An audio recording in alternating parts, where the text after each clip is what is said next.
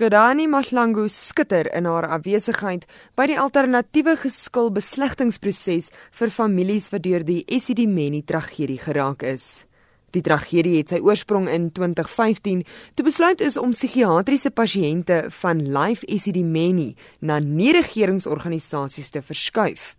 In die proses is meer as 100 mense dood. Kort daarna het Mahlangu bedank as provinsiale LUR vir gesondheid.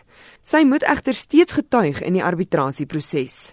Die rede vir haar afwesigheid is in die media aangedui as akademiese verpligtinge by die London School of Economics and Political Science. Laura Lopez Gonzalez is die gesondheidsnuusredakteur by Bekkie Sisa.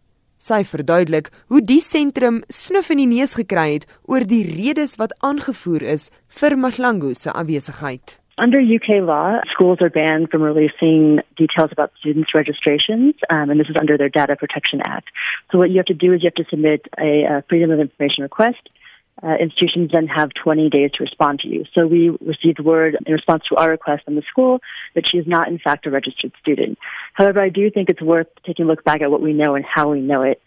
So state advocates have told us Mshangu um, will testify at, at the Life of arbitration hearings, but that she cannot until November or December because she's a student and taking exams. It was the City Press and Rapport that cited anonymous sources when they said that she was a London School of Economics and Political Science student. Lopez Gonzalez benadruk egter dat dit nie beteken Maslangu is nie 'n student aan 'n ander akademiese instelling nie. Dit beteken bloot sy is nie 'n student aan die London School of Economics and Political Science nie. Maslangu kon nie deur Bekkie Sisa of Monitor bereik word nie. Die verwikkelinge is wel volgens Lopez Gonzalez 'n tree in die regte rigting wat verantwoordbaarheid betref. So I think anybody who's been to varsity knows that You can defer exams in the cases of serious medical conditions, a loss in the family. So I think the real question is why would exams not be deferred for this reason? So, and I would have serious questions of any institution of higher education that would not defer someone's exams to allow them to return home and testify in something as big of a tragedy as, as what we're looking at here. This information is sort of one piece of a larger puzzle and of where in the world Mshango is. And I think that that puzzle really speaks to a larger question about accountability. En hiermee stem Dr. Dani Brink die uitvoerende direkteur van Solidariteit Helpende Hand saam. Helpende Hand verteenwoordig 4 van die gesinne wat deur die Life Esidimeni tragedie geraak word. Natuurlik is dit belangrik om te weet wat die motief van die LER was om hierdie besluit te geneem het of daar ander rolspelers is. Dit sal uitklaring gee vir die pad vorentoe. So vir ons by Helpende Hand is dit baie belangrik dat Mahlangu kom getuig ons is dankbaar vir goeie journalistiek wat seker maak dat sy nie wegkom met onskynlike leuns nie.